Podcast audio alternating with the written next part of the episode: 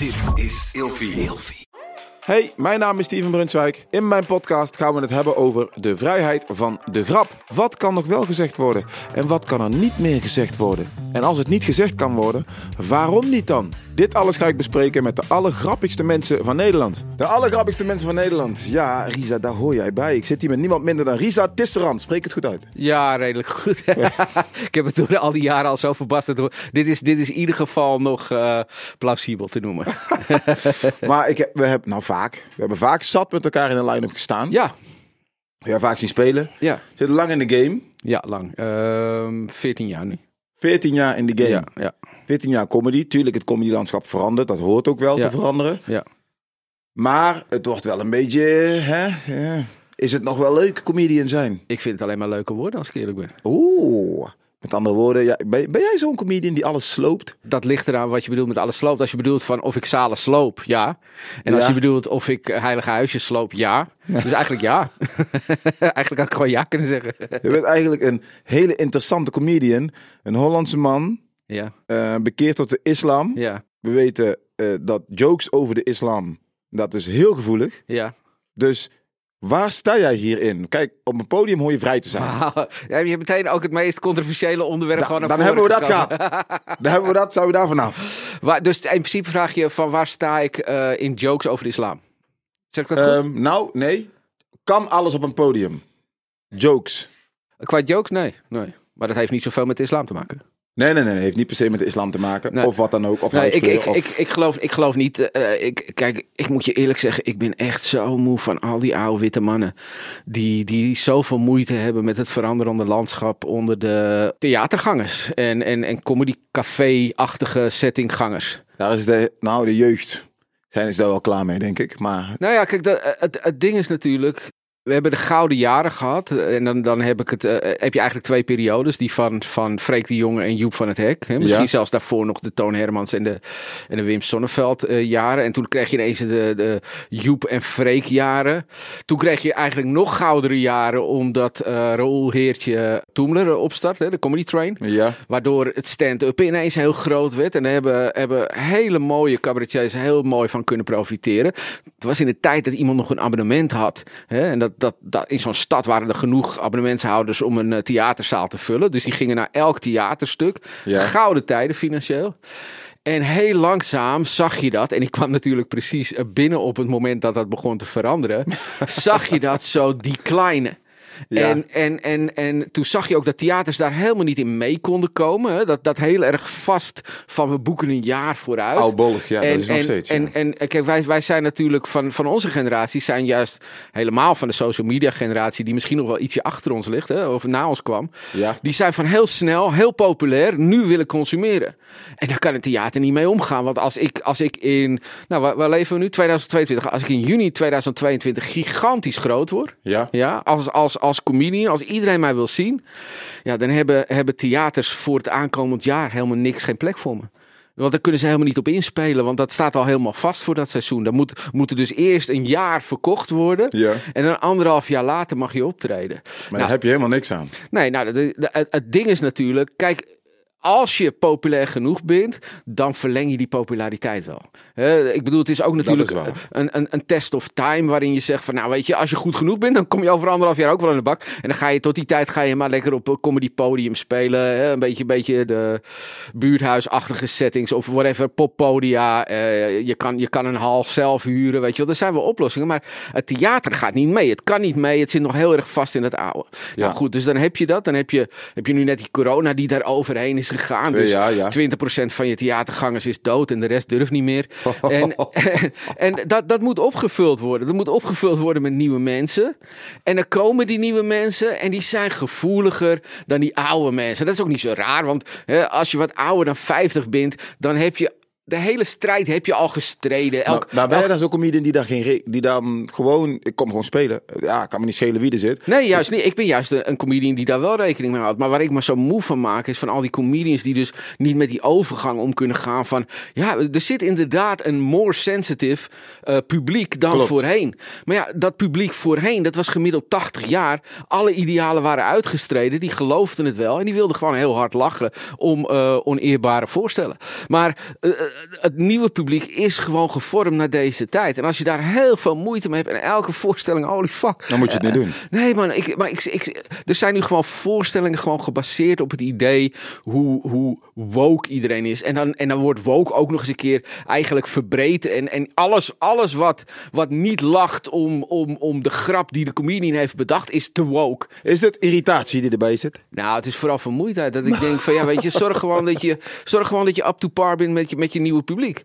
Weet je, en als je daar niet tegen kan, ja prima, maar dan gaat je cirkel steeds kleiner worden, want, want het oude publiek verdwijnt. Dat gaat niet meer naar theater. Het zal je misschien op, op, op Netflix volgen, maar misschien hebben ze geen Netflix. Wachten ze tot het op, uh, op, op Omroeps Max wordt uitgezonden.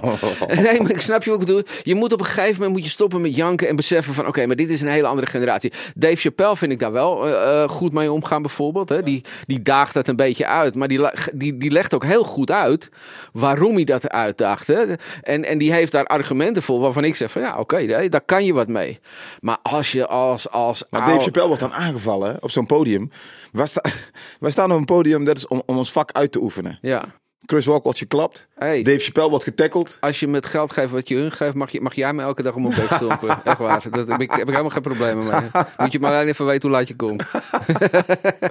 nou ja, kijk, het ding is, dat gevaar geldt voor iedere, iedere bekendheid. Maar is dat gevaar altijd geweest? Jazeker. Eh, ik weet dat ik toen ik begon, toen had Vincent Geers, een, een van, van mijn, um, hoe zeg je dat? Uh, idolen klinkt heel, heel, heel uh, groots, maar iemand, iemand die mij opleidde en waar ik erg tegen opkeek en nog steeds op veel manieren heel veel van leer.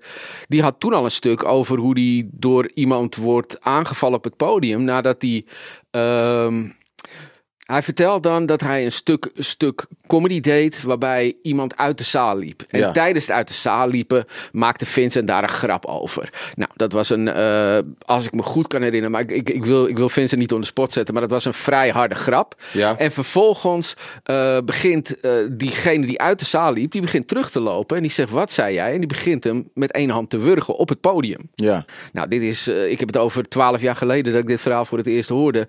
En dat verhaal vertelde hij nadat hij het had meegemaakt een paar jaar daarvoor. Dus... Uh, dat gevaar is er altijd geweest, zeg je. Ja, heb je wel eens mensen die uit de zaal lopen tijdens jouw show? En... Ja. ja. Heb je dat vaak? Nee. Ik heb het eigenlijk alleen in Rotterdam als ze mijn accent horen. In Rotterdam, als je je accent... Dat meen was, je niet. Ja, nee, ik had, ik vond dat... Ik, dat was de eerste keer, dacht ik echt van, wat gebeurt hier?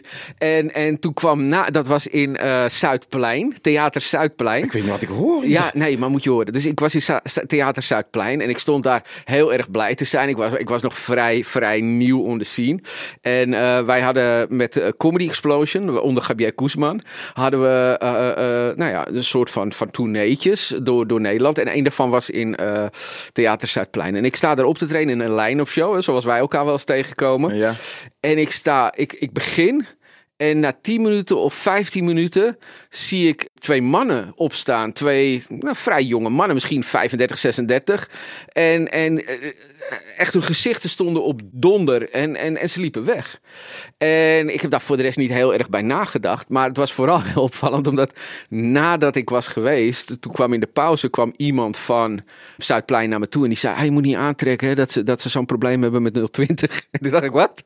Dus die mensen die waren gewoon weggelopen, omdat ze hadden geen zin om naar een 020 te luisteren. Dan meen je, maar ja. waar is dat toch met maar, Rotterdam Maar dat heb, ik meerdere keer, dat heb ik meerdere keren in Rotterdam meegemaakt. Dat Echt? Is, ja, en, en, en ik, het verbaast me, omdat ik straal uit niks uit dat ik een groot supporter van Amsterdam ben. Sterker nog, ik heb heel veel verhalen waarin ik, nou ja, eigenlijk onze hoofdstad en de stad waar ik inderdaad geboren ben, uh, uh, te grazen neem. Maar je accent uh, is wel on point hoor. Ja, en je komt er ook niet meer vanaf. ik zit nu op een leeftijd, ik ga hiermee sterven met dat accent, dat weet ik. Dat, waarschijnlijk wordt het ook echt in accent gewoon op mijn graf geschreven.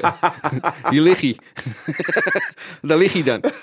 maar dan werd je dus niet in dank afgenomen, puur en alleen om hoe je praat. Ja, ja dat was dus, dus dat was voor mij, hè, als je zegt van lopen de mensen weg, dat, dat is eigenlijk meer het geval dan om wat ik zeg. Omdat, kijk, het ding is, ik zie, ik zie het ook wel gebeuren hoor, dat mensen stilvallen dat ik net, net een stapje te ver ben gegaan. Een stapje te ver, maar wat is een stapje te ver dan? Of vertel je een joke en dan denk je achteraf van shit, ah, dat was misschien net iets te, of... Uh, ik, heb, ik heb meerdere manieren hoe ik een stapje te ver ga. Kijk, mijn ding is, ik ben heel, heel confronterend. Dus als iemand begint te praten, dan ga ik daarin mee. Probeer ik daar iets grappigs van te maken. Alleen soms vergeet ik dat mijn gezicht daarin mee moet doen. Dus dan maak ik een grap. Maar als je mijn gezicht ziet en ik lach niet, dan denk je die valt me aan. Snap je? Kan dus, ik me iets bij voorstellen.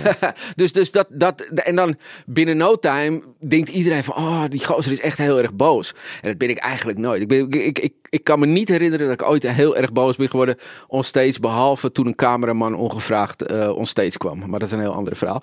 Maar al op het moment dat ik, dat ik dus een soort van grap over jou maak, hè, of dat ik je probeer te ik probeer datgene wat jij ja. Probeert te verstoren, probeer ik een beetje terug te kaatsen. En ik, ik doe dat niet met een lachend gezicht. Um, en dan moet je je voorstellen, de, de, intonatie en de intentie, alles is hetzelfde. Maar als mijn gezicht er niet bij lacht, denken mensen, oh shit, die is, die is echt kwaad. En dan voel je gewoon die hele stemming in die zaal heel bedrukt worden. Als jij nou als publiek ergens in een zaal zit en er komt een comedian die keihard is en die begint ineens over de islam, zou, je dat, zou dat jou raken? Nee. zou jou, zou jou niet raken? Nee. Hans Theo had een joke gedropt. Hij was een bommetje hoor. Hans, uh, had het over Allah. Oké. Uh, weet je wie een ontzettende lul is? Nou, ik wil het niet herhalen. Ja. Dan beperk ik mezelf En dat was, en dat was de grap? Dat was de grap van Hans Steeuwen toen de tijd. Ja, kijk, Hans Steeuwen is natuurlijk verschrikkelijk getraumatiseerd geraakt. omdat zijn vriend uh, Theo van Gogh vermoord is door een of andere maloot. En sindsdien, ja, klopt, ja. sindsdien is hij op oorlogspad. Ja, het, het, nee, het raakt mij niet. En dat, dat heeft met een aantal dingen te maken. Dat heeft ten eerste te maken met mijn geloof die ik zelf heb. En daar kan ik niet onderuit. Hè? En dat is misschien een van de andere redenen waarom ik soms moeilijk lig in een zaal. Vrienden van mij, die werden echt pist. Ja, ik heb dat niet. Kijk, het ding is, mijn geloof in God hè, of Allah is gewoon zo sterk dat ik, ik, ik, zie, ik zie niet hoe dat dat kan raken. Dat staat zo ver van elkaar weg. Daar heb ik helemaal geen gevoel bij van, oh, nu, nu, nu, nu is, is mijn God, hè, Allah, is daardoor geraakt. Ik bedoel, ik, ik zie dat als, als het meest oppermachtige wat er is. Dus ja, zo het is wel gaaf hoe je het zo ziet, als iedereen het zo zou zien. Nou ja, kijk, dat, dat is dus een van de redenen. Een tweede is dat mijn imam, toen ik me pas bekeerd had, die zei iets heel moois. Ehm, en eigenlijk iets wat gewoon heel erg logisch zou moeten zijn. Die vertelde een verhaal over dat iemand de profeet beledigde. En ik, ik, ken het verhaal niet goed, dus uh, mag God me vergrijpen als ik het verkeerd uh, uitleg. Maar die, die, die, gaf, die gaf aan dat als uh, de profeet werd beledigd. En, en zijn metgezel was daar zo kwaad om. dat hij zei: van moet ik hem vermoorden? En toen zei de profeet Mohammed: nee, want misschien is het een goed mens. En dat heb ik altijd blijven onthouden. Weet je, ja, misschien is het een goed mens. Ik weet het niet. Ik bedoel, dat is tussen hem en Allah. Oeh. Ik, ik, ik zou ook wel willen dat meer moslims uh, aan de extreme kant, zou ik maar zeggen, ja. dat die dat uh, wat meer tot zich door lieten dringen. Maar dat is, ja, nee, er is heel weinig wat. Maar, en die hele cartoon shit en zo, nee, dat hebben ja. we ook nooit Ge Gebruik je het op het uh, podium als je er staat? Maak je, maak je jokes, niet zozeer over de islam, maar je bent bekeerd. maak je jokes erover? Over jezelf natuurlijk. In, in, in, het begin, in, het begin, had ik er zelf spot onder. Um, totdat ik zag dat uh, er zo enorm veel islamhaat ontstond. Ja. Dat ik um, zelf zoiets had van, ja, weet je, wat voor punten, wat, wat, wat, wat, wat voegt het toe om daar zelf nog uh, een soort van onzekere grapjes over mezelf over te maken. Weet je, eigenlijk toen die haat zo heel erg toenam, dat dat extreme vormen begon aan te nemen. Um, en da daar zijn we natuurlijk een paar jaar van weg door onder andere dat uh, uh, ISIS nu, uh, of hoe ze zichzelf ook noemden, dat de islamitische staat, dat dat, dat, dat nou, een beetje is verwaterd. En, ja, en ja, ja. door de corona zijn die aanslagen ineens verdwenen. Want ja, de deep state, die hebt het ook druk gehad. Dus um, je, hebt, je, hebt, je hebt een beetje die haat die is dan weer een beetje verwaterd. Is een kom, beetje verwaterd. Kom wel weer terug hoor. Als je ergens op kan rekenen, dan is, is, het, is het witte mensen die iemand aanwijzen die de schuld heeft van alles. Maar, maar kijk... Maar, ik, dat wil ik even onderbreken. Ja? Uh, Roel zei iets heel interessants. Hij zei, ja. mensen van kleur kunnen makkelijker een racistische grap maken. Dus jij, als witte man, kan ja. nu makkelijker een grap maken over witte mensen die racistisch zijn bij wijze van. Ik zeg, dat is eigenlijk onzin. Nee, maar goed, nee, het dat, hoort niet zo te zijn. Nou, ik geloof dat ook niet. Ik bedoel, kijk, alleen al op de Nederlandse podia heb ik zo verschrikkelijk veel racistische grappen gehoord van zo verschrikkelijk veel verschillende witte mannen. Ja. Dus ik geloof dat helemaal niet. Het probleem is natuurlijk, elke witte man voelt zich verschrikkelijk aangetast als hij ook maar enig commentaar krijgt over een grap die hij heeft gemaakt over iemand die niet wit is. He, want dan is hij in zijn vrijheid aangetast en vrijheid van mij. Ik mag ook helemaal niks meer. en en, en daar valt dat veel meer onder. Het is niet zo, zo, zozeer dat iemand die niet wit is veel makkelijker een racistische grap kan maken. Het probleem is, hij wordt er minder snel uh, uh, uh, ziek van als iemand daar commentaar op heeft. Is het makkelijker dan als je. Kijk, ik als Surinaamse jongen, natuurlijk heb ik veel racisme meegemaakt. Maar ik maak er heel veel jokes over. Ja. Maar uh, ik heb een uh, stuk in mijn voorstelling dat ik het heb over uh, de Marokkanen, over Turken, over Surinamers, Antillianen. Alles komt voorbij. Ja. En vrij witte, witte groep. Ja. En als ik dan aangeef van ja, ja, de Hollanders vergeet ik niet hoor.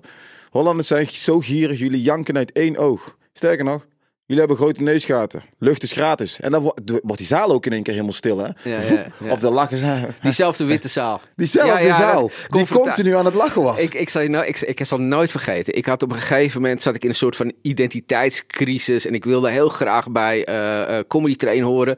En bij Comedy Train, als je dan eh, in de open podia bent geweest, dan krijg je daarna advies van allemaal mensen waar je heel erg tegenop kijkt. En het grootste advies was van, oh, je, bent, je, je zegt niet wat je, wat je wil zeggen. En ik wilde heel graag dat zij begrepen dat ik wel zei wat ik wilde zeggen. Dus vanaf dat moment ging ik op zoek naar materiaal wat ik wilde zeggen. En toen zat ik dus blijkbaar in een periode waarin de grap veel minder belangrijk werd. Dat is op zich, eh, de- de- die grap werd een stuk minder belangrijk. Ja, omdat, omdat toen ik dat deed, toen ik dat deed, werd er minder gelachen. Maar als ik op het podium kwam, dan zeiden al die comedians van, oh ja, dat is goed gedaan. En daarna hebben ze me nooit meer gevraagd. Dus het is gewoon Oh. eh, hey, als je ooit advies krijgt op, na een open podium van een of andere bekende komiek, laat het ze ergens steken waar het licht niet schijnt. Want ze doen er helemaal geen moe mee. Het is, het is allemaal afleiding. Wees vooral gewoon jezelf. En als dat niet past bij Comedy Train, want dat kan wel, ga dan niet naar Comedy Train. Ik was één keer bij Comedy Train geweest. Ja, ja, En ehm, toen, eh, ik heb die zaal kapot gespeeld. ja, Ehm, toen eh, moest ik auditie doen. ja. Ja, ehm, als je vaker wil spreken, kun je of, de, op de, of op de open podia, of je kan eh, auditie doen. Dan kunnen we je even bekijken. ja, Je denkt, volgens mij verkoop ik meer kaarten dan sommige gasten hier, dan heel veel gasten hier. ja. Dan dacht ik, fuck hun, ga geen auditie doen. Nou ja, kijk, dat, dat is een beetje eh, het, het ding natuurlijk. Kijk, laten we heel eerlijk zijn. Comedy Train zelf is een fantastisch collectief qua hele goede cabaretiers. Zeker. Ehm, en, en allemaal los van elkaar zijn het fantastische mensen. En zo gauw als ze samen zijn, is het echt een soortje klootzakken waar je dan nooit van gehoord Iedereen hebt. wil allemaal stoer doen of Het zo. is ongelooflijk. Maar oké, dat hoort erbij. Ik bedoel, we kennen elkaar nu allemaal. En, en, en die hele houding verandert ook als je ze individueel in een andere line-up tegenkomt dan, dan in hun eigen Toemler. Maar Dat is exact wat het is. ja, maar eerlijk is eerlijk. Toomler is van hun en Comedy Explosion hebben zij opgezet. Dus dat mogen ze zelf helemaal zo reageren. Alleen ik heb op een gegeven moment voor mezelf gezegd van ja, weet je, waarom probeer ik bij een groep te komen die mij gewoon niet accepteert zoals ik echt ben. En dat ik mezelf dan ga proberen te veranderen in de hoop dat ze me wel accepteren en dan vervolgens niet meer uitnodigen. Ja, weet je, ik bedoel, dan, dan verlies ik altijd. Ik las een quote van Dino. En Dino die zei ook op een gegeven moment, volgens mij... Dino, als je het hoort, pin me er niet op vast. Maar volgens mij zei Dino van... Waarom zou ik... Hij moest ook auditie doen of zo. Toen zei hij van... Ja, dan ging hij ook vaak heen of zo. En op een gegeven moment had hij zoiets van... Waarom zou ik dit doen?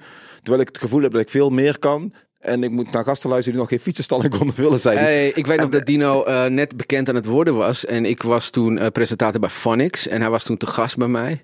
Ja, hij, hij, hij ging iets doen. En, en ik vroeg van ja, hoe zitten ze daar bij Comedy Train? Hoe, wat vinden ze? En toen riep hij, fuck Comedy Train. En een half jaar later kwam hij ook nooit meer naar Comedy Train zelf. Ik bedoel, hij, volgens mij hangt hij nog op die foto's. Maar ik, ik weet niet of hij er nog lid van is. Maar hij, hij is er nooit te vinden. Nee, maar ik, ik, snap, ik snap wel waarom. Daar hangt een bepaalde sfeer, daar een bepaalde arrogantie.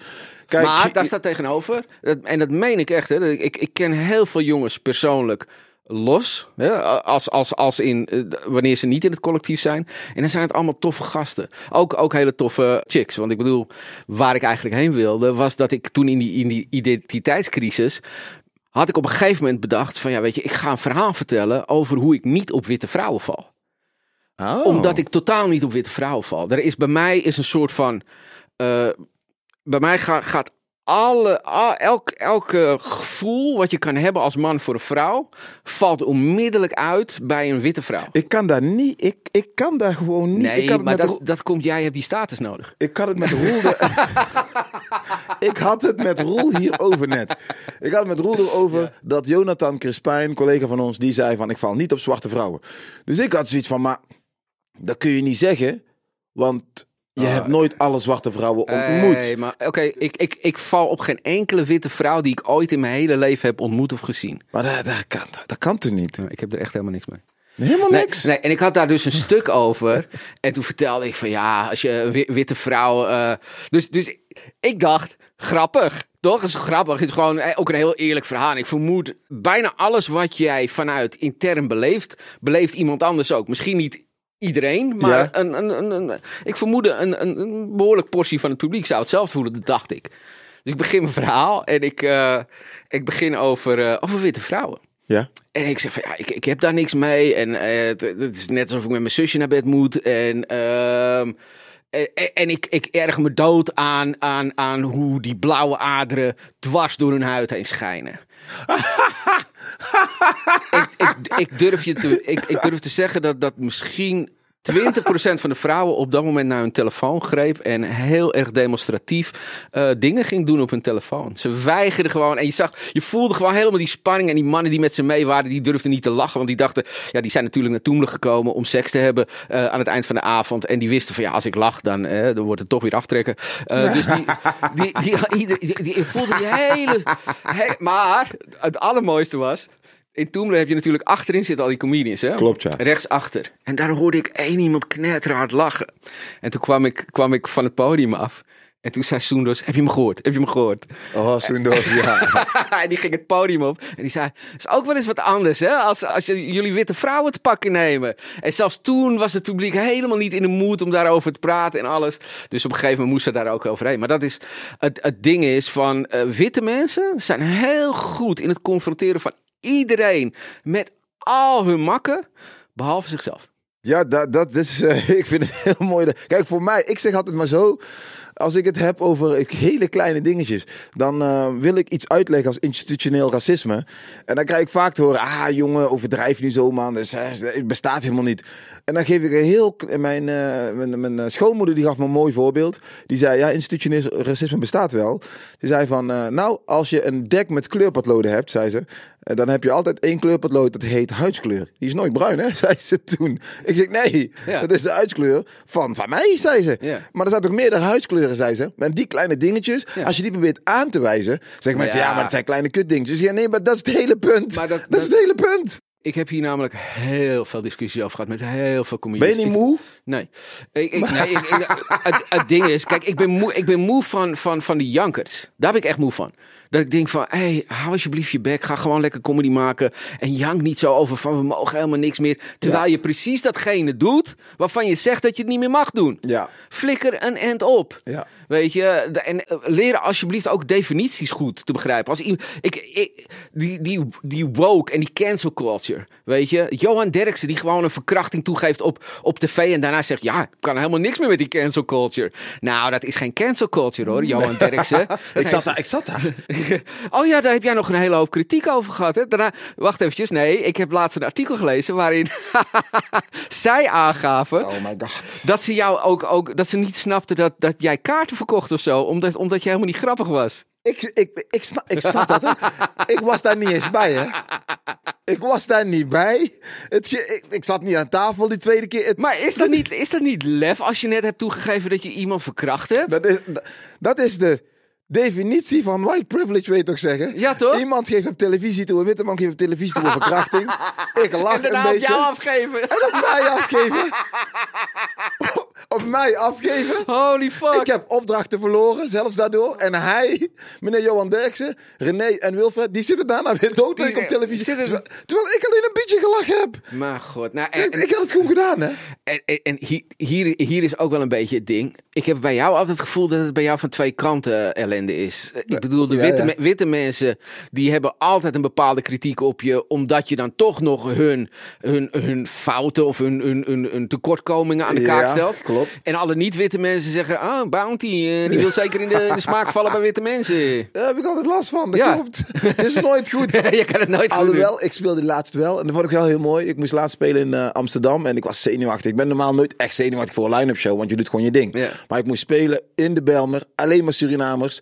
Dat waren de mensen die mij echt niet zo hoog hadden zitten. Ja. Die hadden me echt... Heel, dat was heel veel haat. Dat was vorige week, afgelopen zaterdag. Oké, oké. En heel, heel veel haat. Ja. En ehm, ik zat achter Roué, was er ook.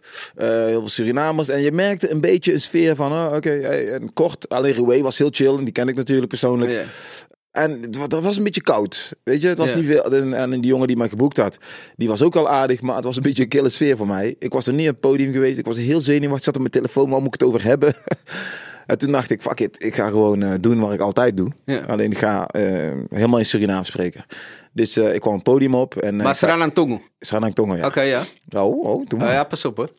Maar ik ging het podium op en ik zei op een gegeven moment: Zo, ik ben er. En de houding was gesloten houding, knikkend. De dames op de voorste rij, echt moeders, hè? En, mhm, ja, zo van: Doe het nou maar eens. Dus ik zeg in het Surinaams: van Zo, hè, je haat me, hè? Je haat me? Jullie haten mij echt, hè? Jullie haten me. Mhm, mhm, ja. Ik zeg maar, toen zei ik, Kolokutak niet, ik qua afslag. Gelukkig heb ik de juiste afslag op het juiste moment genomen. En die zaal helemaal plat. Ik werd een keer gevraagd, dat vertelde ik ook. Ik werd gevraagd voor een Sinterklaasfilm. Ja. Of ik eraan mee wilde doen. En hij is niet meer zwart. En, eh, dus ik zei, stop maar, zei ik daar. Ja. Ik zeg, nee. Dus ik zei op het podium daar, zei ik. Ik ben net van die naam af. Nu willen jullie me weer terughalen. Om, om, en weer in een val. Ik zeg, dat doe ik niet aan mee. En die, dat was zo funny. Ja. En ik sprak volledig in het Surinaams. Ja. En achteraf kwamen ze naar me toe. En achteraf zeiden mensen van... Wow, ik had jou nog nooit zo gezien. Maar ik vind dit zo tof. Dat je dit ook kan. Weet Nou je? ja, ik, Dus- ik weet nog dat jij toen ge- op een gegeven moment dat je, dat je het een beetje zat was. En ik denk dat het een paar jaar geleden was. Dat je dat zag. 2018, februari. Ik weet het nog exact. Nou, ik, weet- ik weet dat je toen op, op Instagram of zo, dat je ook aangaf van ja, weet je, ik, ik heb tenminste nog in Suriname gewoond. Ja, dat klopt, ja. Ja, en, en dat vond ik, vond ik een heel sterk argument. Want ik bedoel, de meeste Surinamers die ik ken, die komen er een paar keer, eh, een paar keer in hun leven. Eh, en die, die, die worden daar worden ze ook een beetje weggekeken, omdat het natuurlijk ook halve tatten zijn geworden ondertussen. Sterker nog, toen ik onder die naam Brabo 9 ging... Ja, Toen eh, liep ik een keer door het centrum van Breda. Ik werkte nog als horecaportier en ik was net een beetje bezig met die overgang om comedy te gaan doen. Fulltime. Toen liep ik over straat, zag ik een groepje Bredaanse Surinamers, om het maar zo te noemen. En, ehm, en die zeiden, hé, hey, jij bent het toch, die jongen, eh, die Brabo? En ik zeg, ja, klopt man. Toen zeiden ze, ah, moet je niet doen man. En dat creëerde een beetje een sfeertje. Dus ik was met ze in gesprek geraakt en eh, ik ging Surinaams praten met ze. Maar ze gaven steeds een Nederlands antwoord bij mij. Toen vroeg ik ze, maar waarom geef je steeds het Nederlands antwoord? Ze stonden er niet, hè? Nou, ze verstonden Als- het Ze wel. konden niet praten. Maar ze konden niet praten. maar ik denk dan van, je noemt mij een bounty. Ja, Maar jij spreekt dus de taal ja. van die witte man en vrouw. Ja, en, en zel- zelf bespreek je een soort van verbasterd straattaaltje wat op Surinaams Maar moet dan kom je lijken. op mij. Maar dat, is, Ja, toch- ja, dat is ja, toch ja. gek? Nee, maar dat is, kijk, het, het ding zit hem er ook nog eens een keer in natuurlijk. Kijk, jouw, ik noem het maar even werknaam, je artiestennaam in die tijd. Ja. Hè, eh, ik, ik noem het tegenwoordig het N-word. Omdat, omdat ik vind dat het, dat het niet meer is aan mij om dat uit te spreken. Maar, zeg je ook heel eerlijk, eh, totdat dat niet meer aan mij was om uit te spreken. En ik heb het nu over ongeveer 2007, 8. Voor die tijd gebruikte iedereen dat woord.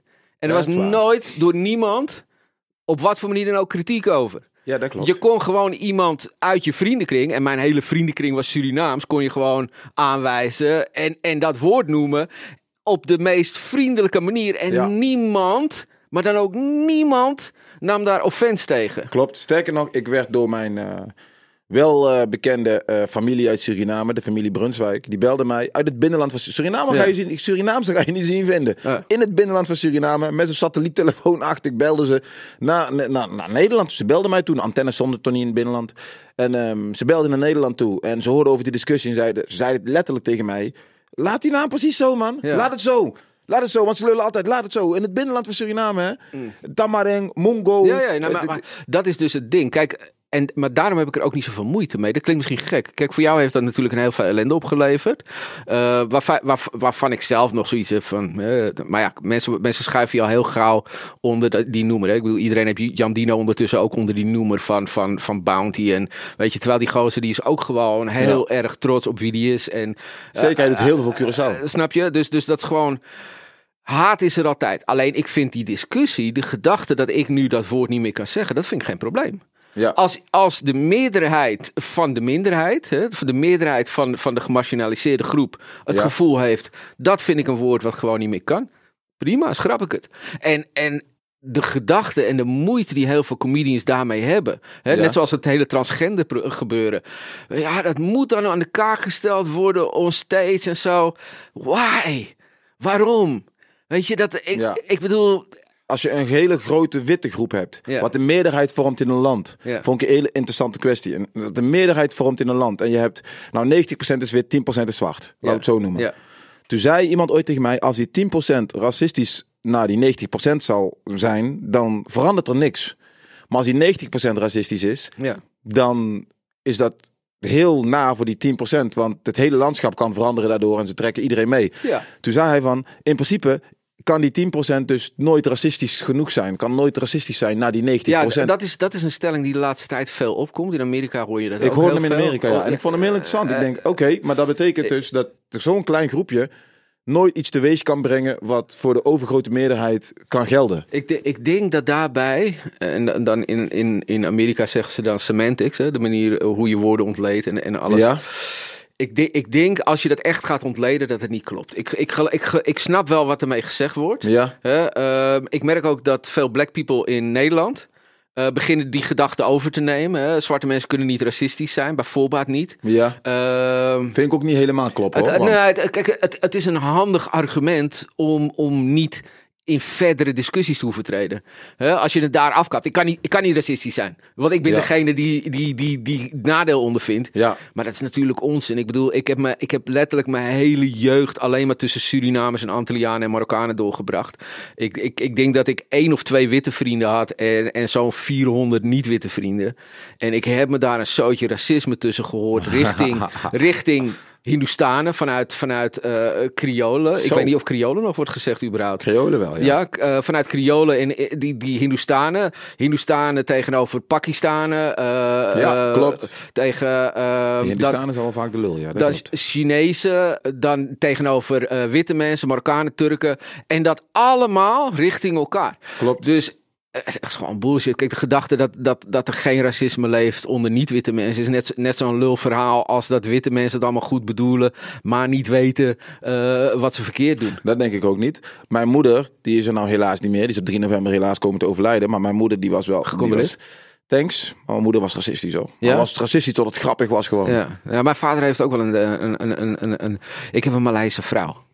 Een Maleise vrouw. Ja, uit Maleisië.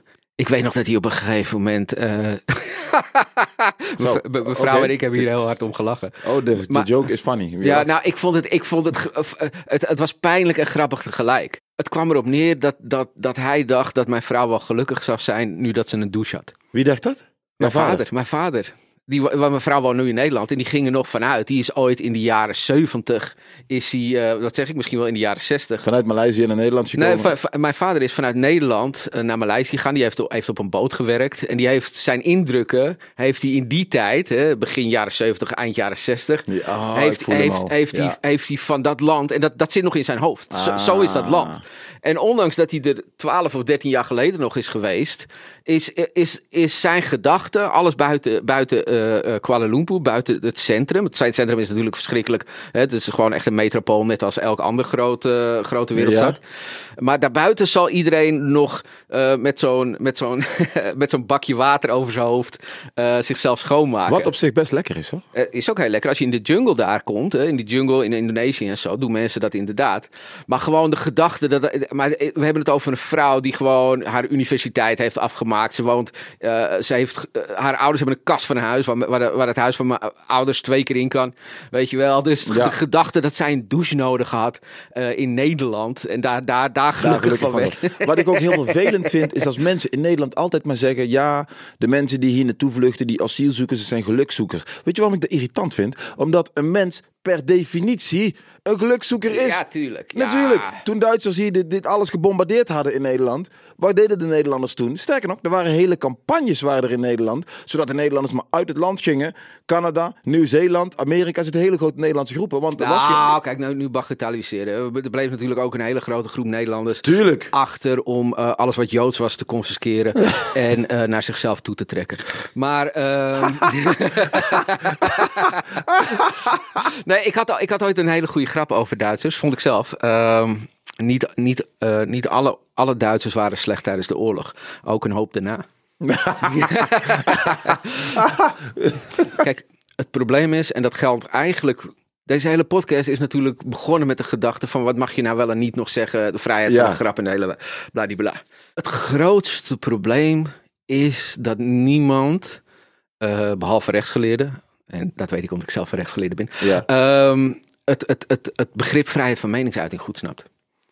En, en, en daardoor meteen begint te klagen en te roepen op het moment dat, dat er vragen worden gesteld. Of dat ze misschien wel grenzen zijn overschreden.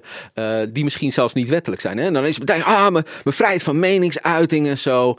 Maar eh, vrijheid van meningsuiting en, en, en bijvoorbeeld hè, het, het, het, het, het, het recht om je geluk te zoeken. Wat, wat misschien in, in, in de grondrechten niet heel goed duidelijk is aangegeven. Maar wel hè, de, de, de, de grondrechten zelf die dat allemaal mogelijk maken. Die zijn natuurlijk allemaal pas ontstaan. Of in ieder geval gedefinieerd. Nadat Adolf Hitler hier een beetje in deze buurt een puinzooi heeft gemaakt. Laten we zeggen Ja. eh, half Europa.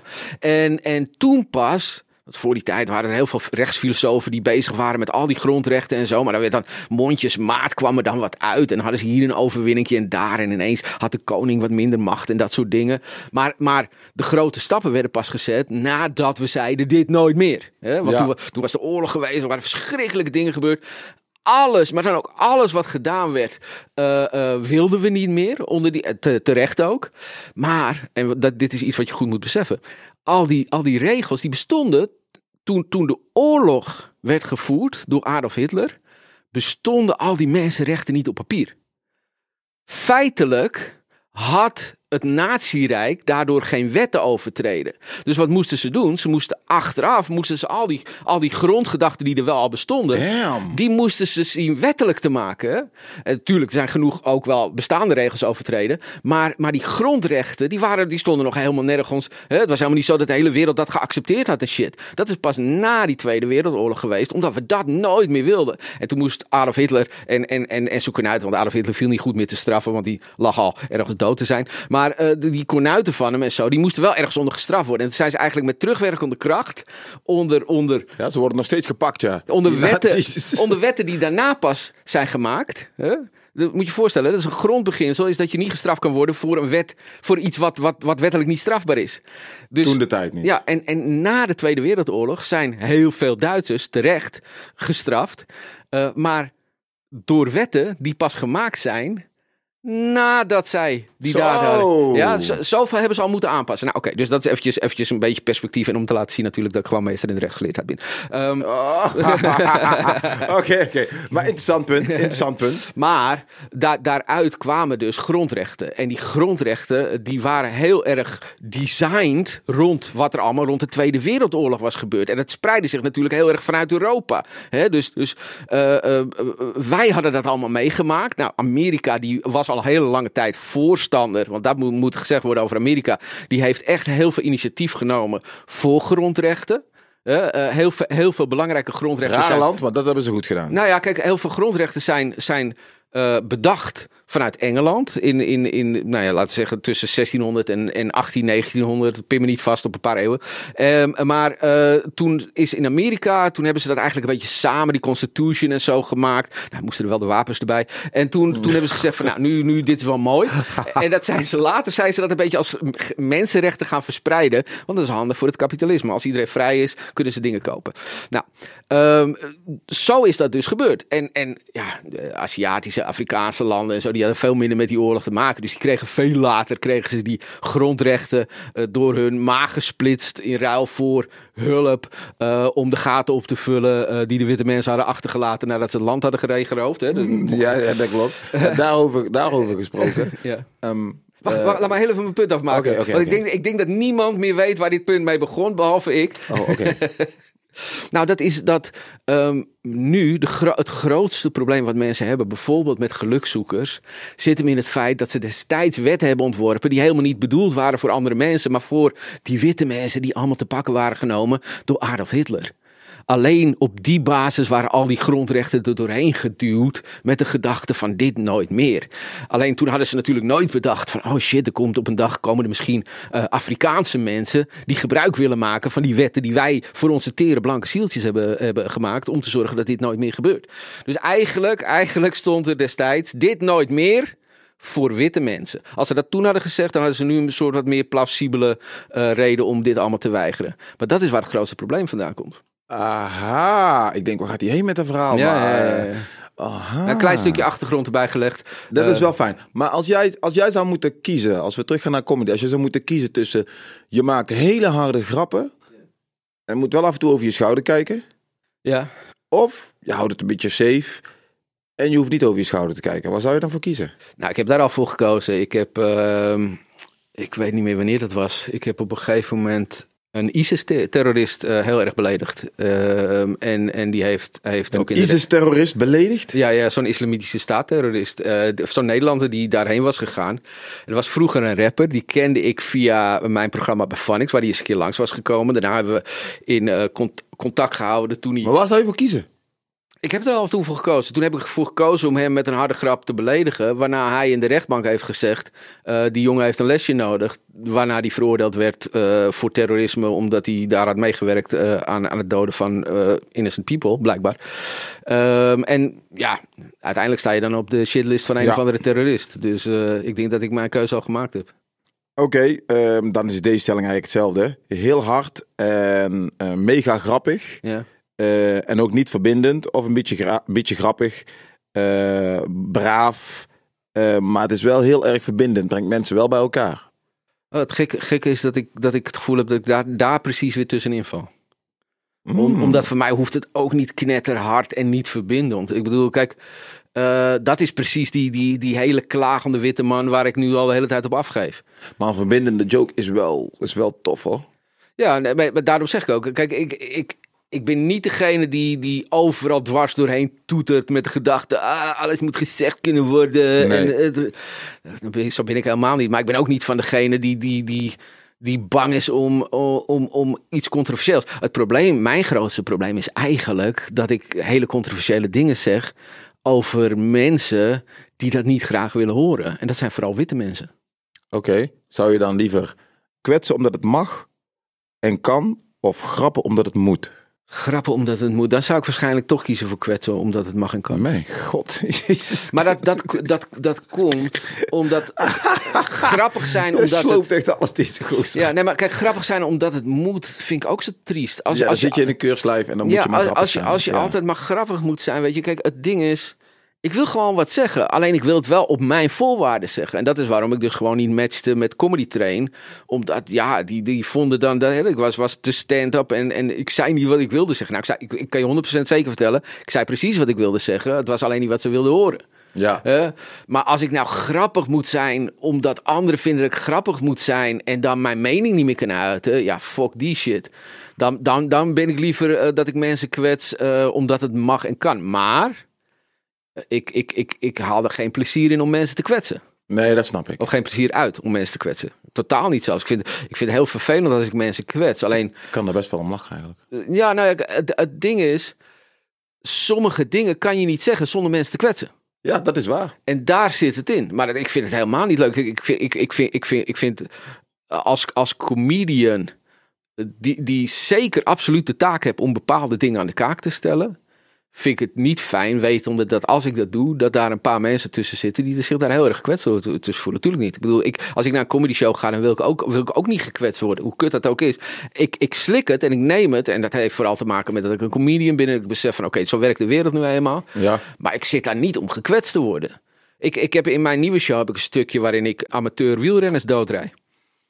Nou, hoe denk je dat de gemiddelde vetzak op zo'n eh, op zo'n fiets zich voelt als hij in de, in de zaal zit?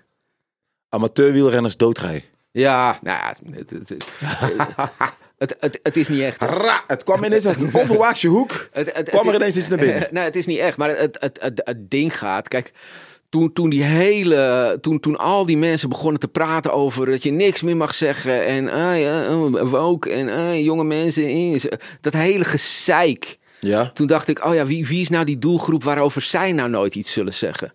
En toen dacht ik, ja, die, die amateurwielrenners die je in elk dorp tegenkomt, dat zijn juist die stad Schouwburg bezoekers ja, die, die, die vinden dat niet fijn om te horen. Dat weet ik ook. Want ik, ik bedoel, er zit er altijd iemand achteraf. Nadat ik dit verhaal vertel, Ja. is er iemand die dan toegeeft dat hij een amateurwielrenner is. Nee. En, en je ziet diegene dan ook echt gewoon zo'n beetje.